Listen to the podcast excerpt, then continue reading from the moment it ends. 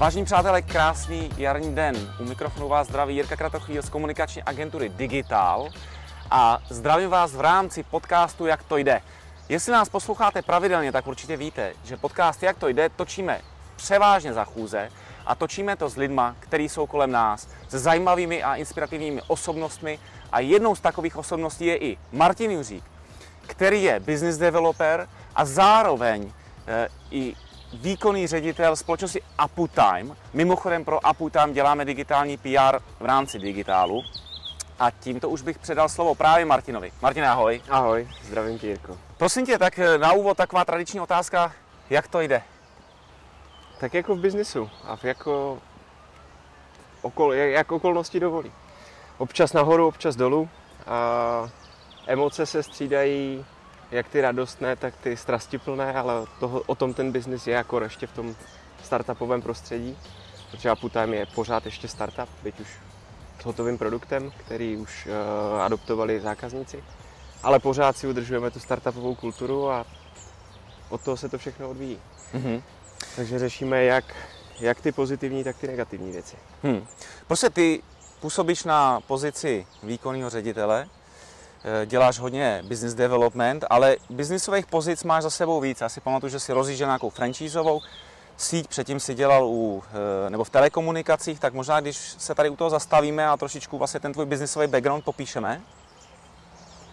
Já jsem začínal jako bankovní prodejce nebo prodejce bankovních Nekecej. produktů a v roce 2005, kdy jsem potkal svoji ženu mm-hmm. a říkal jsem si přece nemůžeš uh, tahat z rodičů kapesné, začně vydělávat peníze a tak jsem si našel první práci. A protože jsem a, rok předtím byl v Německu, kde mě strejda můj, který je portfolio manažer, natchnul pro bankovní a, a vůbec finanční produkty a Aha. tohle prostředí, tak jsem si říkal, jo, tak začnu studovat tady tenhle ekonomický obor a vyzkouším si to i v praxi. A samozřejmě ta praxe byla úplně jiná, než, než bylo to očekávání, ale už jsem si to nevzdal, pracoval jsem od té doby vlastně konstantně. Takže začalo to bankou, klasika, call centrum, prodej půjček, kreditních hmm. karet a tak dále. A pak mě telefon omrzel a šel jsem si to vyzkoušet naživo, a, protože jsem v zásadě spíš introvertní člověk tak jsem si chtěl vyzkoušet, jak mě půjde konfrontace a prodej face to face. Hmm. Přeskočil jsem do telekomunikací. Chvíli jsem teda dělal v bance i na pobočce, ale a pak mě zaujaly telekomunikace, technologie, mobilní telefony, to mě zajímalo od jak živa. Nástup tehdy internetu do mobilu a podobně, to byl rok 2007. A bylo to možná to nejlepší rozhodnutí, které jsem udělal, protože jsem si vyzkoušel všechny ty pozice úplně od základu, tak jak je to třeba v McDonaldu, kdy ten manažer, který se chce stát majitelem franšízy, tak musí vyzkoušet všechny ty pozice. Tak já jsem vlastně prošel stejnou cestou v telekomunikacích, takže klasika prodejce na prodejně, poté nějaké specializace, poté manažer prodejny, poté regionální manažer těch prodejen, trenér, coach. Já jsem takový lokální patriot, čili pro mě nebyla nikdy žádná relokace typu Praha a nějaký headquarters někde Jasně. v Praze v cizině tak jsem říkal, fajn, tady už to pro mě není, teď už jsem vyčerpal veškerý svůj potenciál a, a jsem dost mladý ještě proto, abych zůstal až do důchodu v korporátu a dělal pořád tu stejnou pozici. Mám rád nové velké výzvy. A přeskočil jsem právě, právě do jiného segmentu na pozici, už možná manažerskou pozici, protože opravdu úkol byl rozjet franšízovou síť s nábytkem. Bylo to v době, kdy já jsem skončil vysokou školu, diplomka na téma ideální koncept retailové sítě hmm. a říkal jsem si, fajn, tak tohle by byla možná dobrá kariérní výzva. No a tak jsem působil 4 roky v nábytku, postavili jsme pár prodejen s nábytkem a pak se udály změny na, na trhu s nábytkem v Polsku, kdy skupina, pro kterou jsme stavili tu franšízovou síť, tak a podala insolvenční návrh a my jsme vlastně přišli o generálního dodavatele, který tvořil až 80% portfolia. A franchízový koncept šel, se uspal, bych řekl. No a to pro mě byl další takový zlom, kdy jsem si říkal, wow, tak OK, tak můžu pokračovat s tím, co jsme tady vytvořili a, a starat se o ty stávající prodejny, ale nikam dál už to nepovede. Hmm. No a tak, jak to osud často dělá, tak eh, ve chvíli, kdy tady tahle kapitola skončila, přišla jiná a já jsem se poprvé dostal do prostředí startupů. Potkal jsem se vůbec s tím, jak z nápadu vykřesat životaschopný produkt. Začali jsme stavět mobilní aplikace, tehdy to bylo pro, pro jednu společnost zabývající Vlastně ano, to si pamatuju, jo. Na to jsem úplně zapomněl. Tam jsme dva roky stavili aplikaci. Škoda, že jsme ji nedokončili, protože v dnešní době by byla asi velmi populární, ale jednalo se o seznamku a, a prevenci syndromu vyhoření a podporu hubnutí a takových těch témat, které souvisí hodně s tím well-being a, mm-hmm. a work-life balance. Tam jsem se poprvé konfrontoval s tím, jak je ten biznis vlastně tvrdý, protože to nedopadlo. Byť ta aplikace už byla před spuštěním na App Storeu, tak uh, zasáhla, bych řekl, taková základní lidská a základní lidská vlastnost nebo základní hodnota, která když není v tom biznise doručená, tak, tak to nemůže pokračovat a to je důvěra. Mm-hmm. Tam ve finále to nedopadlo proto, protože majitel know-how se nebyl schopný dohodnout a naplnit podmínky, původně definované podmínky s investorem. A investor se rozhodl ten projekt pozastavit a ukončit. No a opět, když není pokračování, tak to už je pro mě vždycky signál. Tak musíš dál. A opět tomu osud eh, chtěl a, a teď jsem vaputem. No, ale víš co, mi taky, mě jako teď napadá, ty jsi zmiňoval, že v tom předešlém projektu investora teď vlastně řešíte investora. Dá se technologický startup rozjíždět bez investora? Prostě jako pomalu, postupně, nebo, nebo to je úplně jako nonsens? Tak vždycky záleží, co je na pozadí, jaký je to nápad, jak je chráněný, jestli to know-how je unikátní, jestli si vůbec můžeš dovolit a máš čas a prostor na to to rozjíždět pomalu. A z pohledu investora ne. Pokud uh, máš globální ambici, tak uh, z největší pravděpodobností toho investora vždycky budeš potřebovat, protože ty si vyrostl tady v lokálním prostředí a pokud si opravdu nestudoval na, v mezinárodním prostředí, nebo máš mezinárodní konexe, nebo si neprošel už nějakým startupovým a, a řekněme úspěšným exitem startupovým, tak a, bez tohoto investora to půjde velmi těžko. Ty z vlastních zdrojů, s lidma, Jasně. On se to vždycky říká, to je to fools, friends and family, kteří tě na začátku podpoří a konec konců takhle vznikalo i Aputime. Ale v jedné chvíli ty se potřebuješ dostat s tím produktem do trhu a to už potřebuje finance a podporu. Hmm. hmm. Hele, k investorům se ještě dostaneme, ale vlastně pojďme na začátek Aputime. Vy děláte projektové řízení s umělou inteligencí, virtuálního projektového asistenta. Mě by zajímalo, jak na to firmy reagují a jaký je podle tebe stav českých firm v rámci digitalizace. To znamená, my jsme se o tom jako častokrát bavili. Eh, ví firmy, co to je digitalizace, tak jak si to prostě představujete vy, anebo je to takový buzzword, kdy to slovo prostě je velmi známý, ale vlastně ten obsah se trošičku vytrácí. Čistě subjektivně to pořád vnímám jako buzzword a pozadí toho buzzwordu a to, proč se o tom mluví, je, že si všichni uvědomují, že je to nezbytné, že je to nevyvratitelný, nevyhnutelný trend a z mnoha důvodů, ke kterým se možná dostaneme. Ale to, proč se ta digitalizace neděje, nebo proč se děje velmi pomalu, tak protože já vnímám čistě subjektivně a takový technologický a znalostní gap hmm. napříč populací, kdy ono to vždycky nějak šlo. Tak proč bychom to měnili? Tak. A většinou k té digitalizaci dojde až ve chvíli, kdy už nemáme jinou volbu a jinou variantu, jinou cestu, kdy nám se rozpadávají ty tradiční schémata, která doteďka fungovaly, ať už je to v dodavatelském řetězci, ať už je to fluktuace zaměstnanců, ať je to změna nákupního chování zákazníků. Čili až tady tenhle významný signál je tím spouštěčem, který řekne, tak pokud teďka něco neuděláme a něco nezměníme, tak tady možná za rok nebude. A kdo, kdo v té firmě je ten decision maker, který má říct, jdeme do toho, prostě budeme to digitalizovat? Nebo obvykle kdo prostě v těch firmách je ten, který to dnes to řekne a pozve si vás? Ten, který ten, který tu firmu táhne, ten, který ve výsledku nosí peníze, nebo je zodpovědný za to, že to, co tu firmu živí, tak bude dokončeno včas v kvalitě, kterou si zákazník objednal, ten, kdo má přímou vazbu na toho zákazníka. Záleží od velikosti firmy. A u těch menších středních firm je to většinou zakladatel, majitel nebo výkonný ředitel, ale vždycky by to mělo být, a je to v praxi, je to i v tandemu s tou, s tou výkonnou silou, čili jsou to ti projektoví manažeři, jsou to ti exekutivní pracovníci, kteří a mají na starost zakázku, projekt jako celek, vidí ho z nadhledu, a, takže to jsou to tito, tito lidé. No. Hmm. A jak reagují na tu umělou inteligenci v rámci projektových řízení? Upřímně tady v českém prostředí se ji snažíme tolik neprezentovat, protože pod umělou inteligencí si každý představí science fiction filmy, co všechno AI umí. Výsledkem může být Matrix, ale vládly nás stroje a, a chovají si nás na farmě. Jo, jo.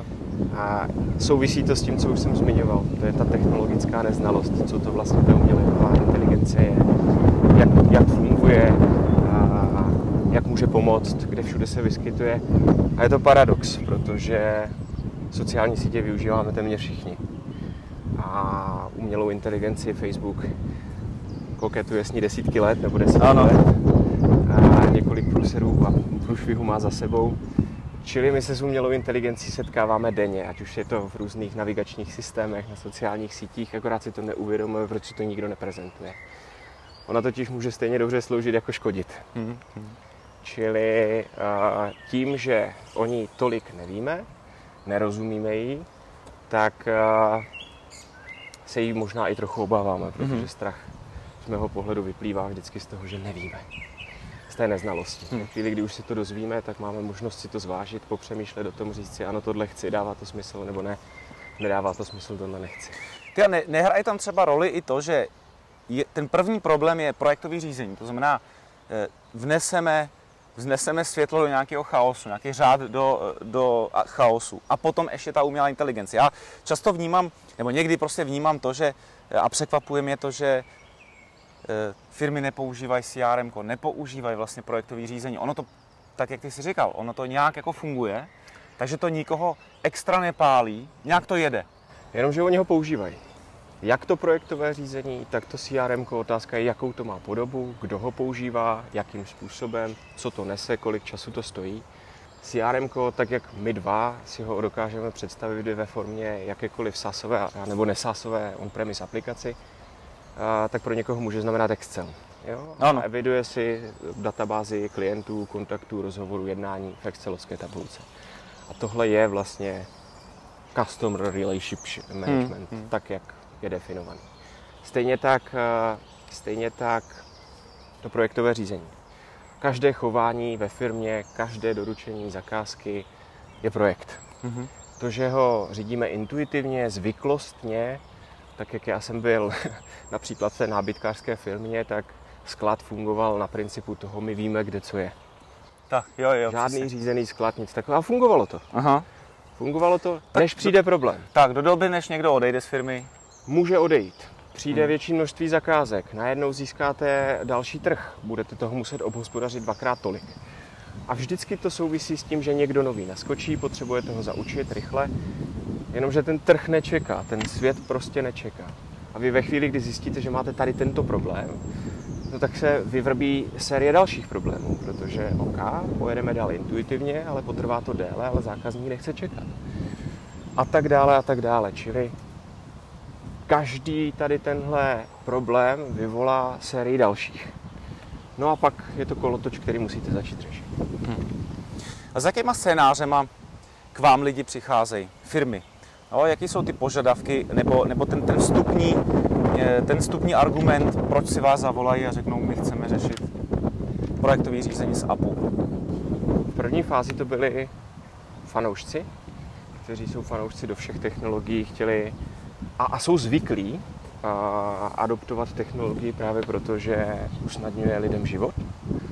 V druhé fázi a ta teďka převažuje, tak jsou to firmy, které mají opravdu velký průšvih. Mm-hmm. Mají vysokou fluktuaci, mají a, spožděné dodávky, spožděné mm, ty doručení těch zakázek jo. a potřebují z toho ven.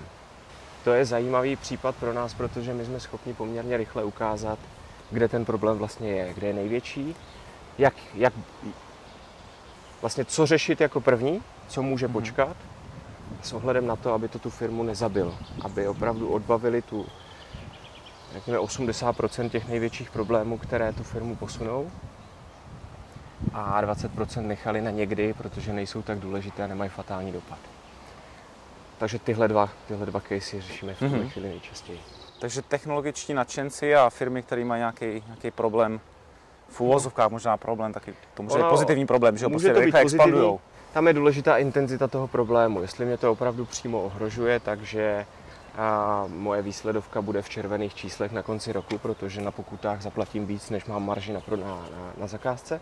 Čili intenzita problému je, je klíčová. Protože upřímně je velmi málo firm, protože jak jsi zmínil, tak se zabýváme tím business developmentem, čili s klienty jednám. Je velmi málo firm, které by řekly, ne, tohle nás netrápí. Všechno máme vyřešeno, všechno funguje. Jak dlouho trvá taková implementace? A teď se nebavím o malých firmách, ale prostě o nějakých firmách třeba 200 lidí a víc. Tak eh, od první schůzky až po to, kdy oni to začnou samostatně používat. Ono to závisí na tom, kdo má v té firmě mandát to implementovat a jak velký tlak na tu implementaci je. Obecně je to v řádech týdnů. A, ale předchází tomu vždycky definování si zadání, co teda vlastně chcete vyřešit, co tím chcete získat. Čili nejdeme do implementace, kde není předem definovaný cíl, čeho chceme dosáhnout. A to právě proto, abychom byli schopni vyhodnotit, jestli se ta implementace povedla a, a dosáhli jsme těch výsledků, těch metrik, a, které jsme si na začátku definovali. Obecně to jsou týdny, ale jsou firmy, které implementují rok. Hmm, hmm. Hele, a děláte, řešíte eh, pro firmy i to, že to prodáváte dovnitř těch firm, protože jedna věc je prodat to klientovi, ale ten to potom musí ho prodat tomu týmu, aby to používal, aby to nebojkotoval a podobně. Takže eh, řešíte i tohle? Jednoznačně. A bez toho se to vlastně ani no. neobejde, protože nástrojů, které nám usnadní život, jsou na trhu stovky. Mm-hmm. Proklamuje to úplně každý, ale ve výsledku my jenom měníme formu problému z eh, papírového na digitální, nebo ho přesouváme někam jinam, ale neřešíme podstatu toho problému. Dost často v minulosti ty implementace probíhaly tím způsobem, že se řeklo, prostě to tak je, budete to používat a budete fungovat. Já sám jsem byl vlastně svědkem v té telekomunikační společnosti, kde se zavádělo CRM, zavádělo se dva roky a další dva roky byl testovací provoz a byla to jedna z příčin, proč eh, to nastartovalo tu vysokou fluktuaci zaměstnanců, protože to prostě neadaptovali. Hmm. Bylo to uživatelsky nepřizpůsobivé, padalo to, nefungovalo to. Uživatelé s tím nechtěli pracovat. Z prostého důvodu. Stojí před váma zákazník a vy nejste schopni splnit jeho požadavek, protože nefunguje systém. Jo. To je průšvih. No a ta to nebylo to odladěný a... Nebylo byť na to jako byli všichni ti zaměstnanci upozornění, ale pokud to nefunguje 20-30% pracovní doby, tak je to frustrující, protože na jedné straně je tlak na výkon a na výsledek, na druhé straně je ta práce znemožněna jak pro zákazníka, tak pro, pro, pro konzultanta, protože prostě nemá jak to udělat. Hmm. A po téhle zkušenosti jsou uživatelé, zaměstnanci, ale i ti manažeři velmi rezistentní vůči tomu, co kdo slibuje a jak toho dosáhne. Jasně. Takže ano, odpověď je ano, pomáháme s implementací a s prodejem dovnitř firmy, tak aby ten adaptační proces byl rychlejší, plynulejší. Hmm.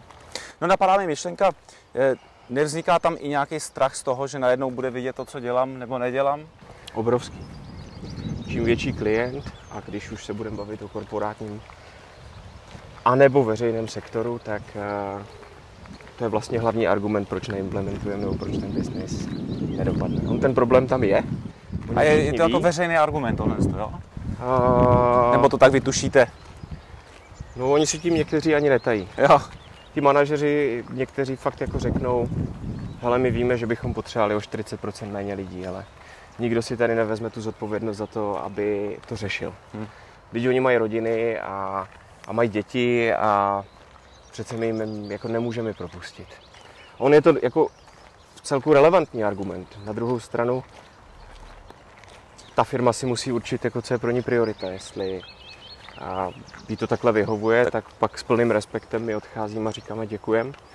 problém není tak intenzivní a byla by to ztráta času jak vašeho, tak našeho, protože naším cílem není prodat a fakturovat. Naším cílem je dodávat produkt, který bude těm lidem sloužit, aby na, na konci řekli, hele jo, vy jste nám tady prodali 30% eh, zkrácení naší pracovní doby, anebo 30% více času, který můžeme trávit jinak a my jsme to docílili. Díky tomu jsme si zaplatili vzdělávání, team building, anebo zkrátili jsme pracovní týden hmm. ze čtyř, teda z pěti na čtyři dny. Prostě a to, to je naším cílem. Stalo se to dnes třeba v některé firmě, že se zkrátil pracovní týden? Ja. Ono to dost souvisí s otázkou předchozí, a to je ten adaptační proces. V jedné firmě se nám stalo to, že jsme zkrátili spoždění na zakázkách z měsíců na dny. Díky tomu firma narostla v objemu zakázek o 30% a majitel a ten board byli naprosto spokojení. Problém byl s těmi samotnými zaměstnanci, kterým, na které to nepropadlo. Takže namísto toho, aby získali o 30% víc odměny, podíleli se na výsledku té firmy, tak to dopadlo tak, že měli jenom o 30% víc práce. Jo. A pak do toho cíleně samozřejmě začali házet vidle, čili proto i ta, uh, ta naše invence ve smyslu adaptačního procesu. My tady toto zohledňujeme při implementaci tak, aby ten majitel, ale i ti uživatelé věděli, že takovýhle je cíl, tady míříme k tomuto výsledku a pokud ho dosáhneme, tak se stane něco. Ono, ty si trošičku narazili na e, takovou myšlenku, kterou nosím v hlavě dlouho, že e, technologie prostě jsou super věc. My jsme jako technologická firma, byť technologie ne, ne, nevyvíjíme, ale prostě používáme všechny možné automatizace. Jsme plně digitalizovaný, ale říkám si, jestli technologie obecně skutečně e, jako lidem usnadňují život. Jestli to není jenom to, že vlastně zvládnu toho o 50% víc, protože prostě něco si e, zautomatizuju, ale potom to znamená to, že, že si naberu o to víc práce a e, mířím spíš k tomu, že vlastně i s tou technologií po téhle stránce je asi potřeba umět pracovat. Že, že to není jenom o tom, že prostě něco tady zautomatizuju a hnedka si naberu další, ale tak prostě vlastně ta práce se dělá, jenom už ji nedělají lidi, ale dělají nějaký stroj. Že? Já bych to rozdělil ještě na dva směry. Jsou technologie, které nahrazují lidi. To tady máme prakticky od první průmyslové, no, můžeme jít ještě dál, ale první průmyslová revoluce byla taková, kdy se bouřili ti dělníci a říkali, stroje nám berou práci a brali do ruky vidle a klacky. Ale ta historie nám ukázala, že lidi jsou přizpůsobiví a že to, co odbaví stroj, tak eh, se vytvoří nová příležitost, kterou může a musí odbavit jedině člověk. A pak je technologie, která opravdu usnadňuje. Nenahrazuje, ale usnadňuje. To jsou právě všechny tady takové ty navigace, které používáme každý den. Ve výsledku za volantem sedím já, odřídit to musím já, protože si tu cestu zpříjemním, mnohdy zkrátím o mnoho minut, tak je benefitem té technologie. Já to velmi často přirovnávám a mám hrozně rád Tonyho Starka, Ironmana. Tou hlavou je vždycky on. Hmm. Protože má fantastický oblek, který sleduje něco, co člověk není schopen, tak mu umožňuje být tím superhrdinou. Jo.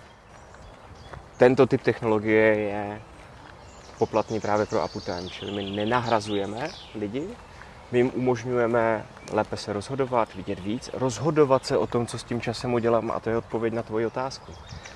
To, že já zprůchodním tok úkolů, zakázek, projektů ve firmě, odhalím úzká hrdla a poskytnu ti relevantní informace o tom, co se vlastně děje, tak to rozhodnutí ve finále je na tobě. A jestli řekneš, ne, zvládneme toho o třetinu víc, v pořádku, a zvládnete toho o třetinu víc, jaký to bude mít dopad, to už si zase musíš zvážit ty. Ale pokud řeknete OK, pokud tohohle výsledku dosáhneme a odbavíme, máme v pátek volno. Jo, čili jo. tenhle princip technologie je ten, který budeme my. Prosím, já teď trošku od, eh, odhlídneme od APu. Jaký další technologie využíváš? Nebo prostě jaký jsou takový ty, který jako fakt miluješ, který ti usnadňují ten život? Já, jsem, já jsem vášnivý sportovec. A... a potkáváme se občas na stěně, tak? Potkáváme se na stěně, i když primárně pro stěnu jsem si je nepořizoval. Aha. Já jsem potřeboval se vrátit ke sportu. Já jsem v minulosti hrál závodně volejbal A pak jsem toho na nějakou dobu nechal. K volejbalu už jsem se teda nikdy nevrátil, ale vždycky mě bavilo okolo běhání a takové věci. Potřeboval jsem vědět, jak na tom výkonnostně jsem, jestli se zlepšuju, zhoršuju, jak je na tom moje srdce a tak dále, tak jsem si pořídil hodinky. Mám je už teda pátým rokem a nedám na ně dopustit, jak jako dobře, když pominu nějaké oděrky a tak dále, protože se k ním nechovám vůbec slušně. Tak fungují fantasticky, čili to je technologie, kterou jsem si zamiloval, ale ne z toho důvodu, že by mě nesla nějaký primární benefit, ale ona mě motivuje k tomu, abych neskončil. Jo. A sekundárním efektem je, že nejenom, že motivuje mě, ale ona motivuje i další lidi, kteří si ty hodinky pořídili, protože když vidí, jak performuju já, tak chtějí performovat. Jo, jo, ano, ano. Takže je to takové hecování a no, můžu říct, že pozorováním těch metrik jsem docílil lepšího spánku, chodím pravidelně spát. Aha. A upozorní mě, když se teda jako příliš flákám, nebo když a už je čas, abych začal něco dělat, čili jednoznačně tady tahle technologie pro osobní využití. Samozřejmostí jsou všechny ty věci týkající se toho pracovního života. No samozřejmostí jsou pro mě, ale oni nejsou samozřejmě. No právě, že tak, tak, tak. Oni jsou samozřejmě pro tebe, ale tak kdybychom dali nějaký tip, tak už si fakt něco, co na co a... nedáš opustit, jo? Co, co, co opravdu jako miluješ tu funkcionalitu. Já úplně jako nejvíc mě dělal problém vždycky si domluvit termín schůzky. Takové to přepinknutí si 6x, 8x e-mail, jo. ve smyslu, tak můžete tehdy nebo tehdy a co kdybychom se potkali tehdy, aha, to vám nevyhovuje, tak je to blbost, já vím, že to je odpověď na e-mail, ale když těch e-mailů pinkneš denně 30, tak je to hodina, dvě, prostě v dupě. A výsledek je takový, že se stejně nedomluvíte. Hmm. Takže já osobně nedám dopustit na kalendly, kde je přesně můj harmonogram, tak jak tam ty schůzky padají, tak se vyprazňují ty volné časové okna. Zákazníku vyber si, partnere vyber si. Tady jsem k dispozici. Zároveň vím, že on to nemůže naplánovat po páté hodině odpoledne, jasně, prostě jasně. do pěti. A konec, pak se věnuju osobnímu životu, rodině. Nevybereš si fajn, tak se podívej do daleké budoucnosti, vyber si termín za měsíc. Ale nebavme se o tom, kdy můžeš ty a kdy můžu já. Jo. Ty si vyber, zablokuj. Hele, Špičková věc. Já jsem to chtěl říct, protože přesně Calendly, jako vlastně bereš mi slova a já jsem chtěl říct za sebe, že Calendly je ten game changer. A já jsem to teda ještě dovedl tak, že jsem si to vložil do, do digitálních stránek, takže to prostě pošlu eh, digitálce lomeno schůzka, je tam nějaká fotka a podobně, ale vlastně ono to funguje strašně dobře jako marketing, protože málo lidí tady tu technologii zná a mě se v posledních třeba dvou, třech týdnech vrátili strašně pozitivní odhlasy od vysoce postavených lidí, kteří z toho byli úplně rozsekaný. A je pravda, že prostě tím odbouráš asistentku, prostě to pošleš a ty, jak se říká, ušetřím jako přesně pár minut, nebo možná jakoby hodiny nějaký, ale ono mnohdy bylo dohadování schůzky třeba na dva týdny, protože než to tomu člověku pošleš, on si to někde že jo, musí, musí skorigovat, nebo jeho asistentka. A takhle je to jasné. No nemluví o tom, no. že tady tímhle odbouráváš takové to, jestli se s tebou opravdu chce potkat, anebo jenom hledá výmluvu pro to, jak se s tebou nepotkat a, a svede to na ten termín. Prostě no. tady máš prostor a jestli se chceš potkat, vyber si. Nechceš se potkat, respektuju, ale neokrádejme se o čas. Jo, jo, přesně tak. Přesně tak. No a já jsem na začátku sliboval, že se podíváme i na investory. Ty s investorama máš bohaté zkušenosti, tak eh, kde vidíš největší úskalí mít investora ve firmě a zároveň největší klady? Největší úskalí vidím v tom, že ti do toho kecá a že do toho vidí a že z, ve většině nebo ve velkých nebo v mnoha případech a opravdu může vetovat všechno, co ty chceš udělat. Čili, ale to se všechno dá ošetřit. Tohle je na, na, na domluvě. Klad a benefit, který já vnímám a spousta lidí si říká, investor rovná se peníze, ale to, co já vidím zatím, je, že on k těm penězům nějak přišel, nějak je vydělal. Čili má obrovské zkušenosti, vazby, kontakty, a které ty nemáš. Logicky, kdyby si měl, tak si taky tak, investor a nepotřebuješ investora. Čili to, co já vnímám jako největší benefit, tak je ta sociální bublina, ve které se ten investor pohybuje, ty možnosti, které ti může společně s tím kapitálem samozřejmě přinést. No a s tím je spojené samozřejmě to, že vstup investora tě může a ušetřit mnoha chyb, kterým by ses nevyvaroval a musel by si s nimi projít. Jak vlastně se firma připravuje na vstup investora, protože ten člověk potřebuje, nebo ta, ta skupina, dejme tomu, eh, určitě potřebuje mít jako detailní vhled a no. když se bavíme o startupech, tak uh, myslím, že jako mnohdy je to, nebo někdy to může být tak jako punkový podnikání je? a ty to potřebuješ uhladit, že jo, jakoby. Je, je. Hmm. A... To znamená, jak se firma připravuje pro, na, na investici? No tak mnohé jedou tak punkově, že se sice jako o investici ucházejí, ale nikdy ji nezískají. Přesně z tohohle důvodu, protože to jestli, to, nebo to nejdůležitější, co musí fungovat mezi tebou a investorem, tak je důvěra. Ta nesmí být narušena. Je to samozřejmě nějaká osobní chemie, kdy pokud si s tím člověkem nesedíte, tak, tak se vlastně není o čem bavit. Ale druhá věc je důvěra. Ta důvěra je nejčastěji podpořená tím, že ty ho necháš nahlídnout, že to je transparentní, že to ukážeš a je to krystalicky čisté a ještě v podobě, takové podobě, aby tomu ten investor rozuměl. Čili toto si myslím, že je klíč. Hmm. Bez toho to nejde. A máš konců ten jeden z těch mých projektů, pardon, že jsem do toho takhle skočil, skončil právě na tom, že ne, ne, nefungovala důvěra. Hmm. No a máš nějaký, nějaký třeba už jako vysledovaný pravidla na to, jak si investora nová začínající firma nebo firma, která stojí před rozhodnutím, je před nějakým elevator pitchem, prostě na, na co se má e, dívat, na co si má dávat pozor a jak si toho investora má, má startup vybrat? Víš, podle čeho? Prostě... Mm. Já bych řekl dvě věci. Ta první, oslovte stejně všechny. Daj vám minimálně feedback, podívej se na ten váš business case a vždycky z té zpětné vazby získáte něco, co vás může inspirovat, posunout a tak dále. Ale mějte vždycky v portfoliu ty investory, kteří pro vás se mohou stát těmi partnery. A ty signály, nebo ty, ty, ty a možná ukazatele toho, tak jsou samozřejmě zkušenost s podobným typem startupu. Dělali už někdy sásovou službu, na jakých trzích, koho všeho financovali, jak velké, jak velké tikety financují. Bavíme se s investorem, který sice financoval sásovou službu, ale, ale ten tiket je 100 000 euro, no, tak ten je asi nerelevantní, když potřebuješ 2 eh, miliony euro. Na druhou stranu i tady tento malý investor se zkušeností se sásovou službou má vazby na další z nich, čili pokud přesvědčíme jeho, je schopný nás posunout k těm, kteří ty peníze mají. Ale vždycky je to o tom říct si, ta skupina má v portfoliu úspěšné sásové, nebo v našem případě má úspěšné sásové služby, dává víc než kapitál, to znamená, je schopná vás posunout na ten mezinárodní trh, na ten globální trh, propojit s lidma ze Spojených států, z Velké Británie a podobně.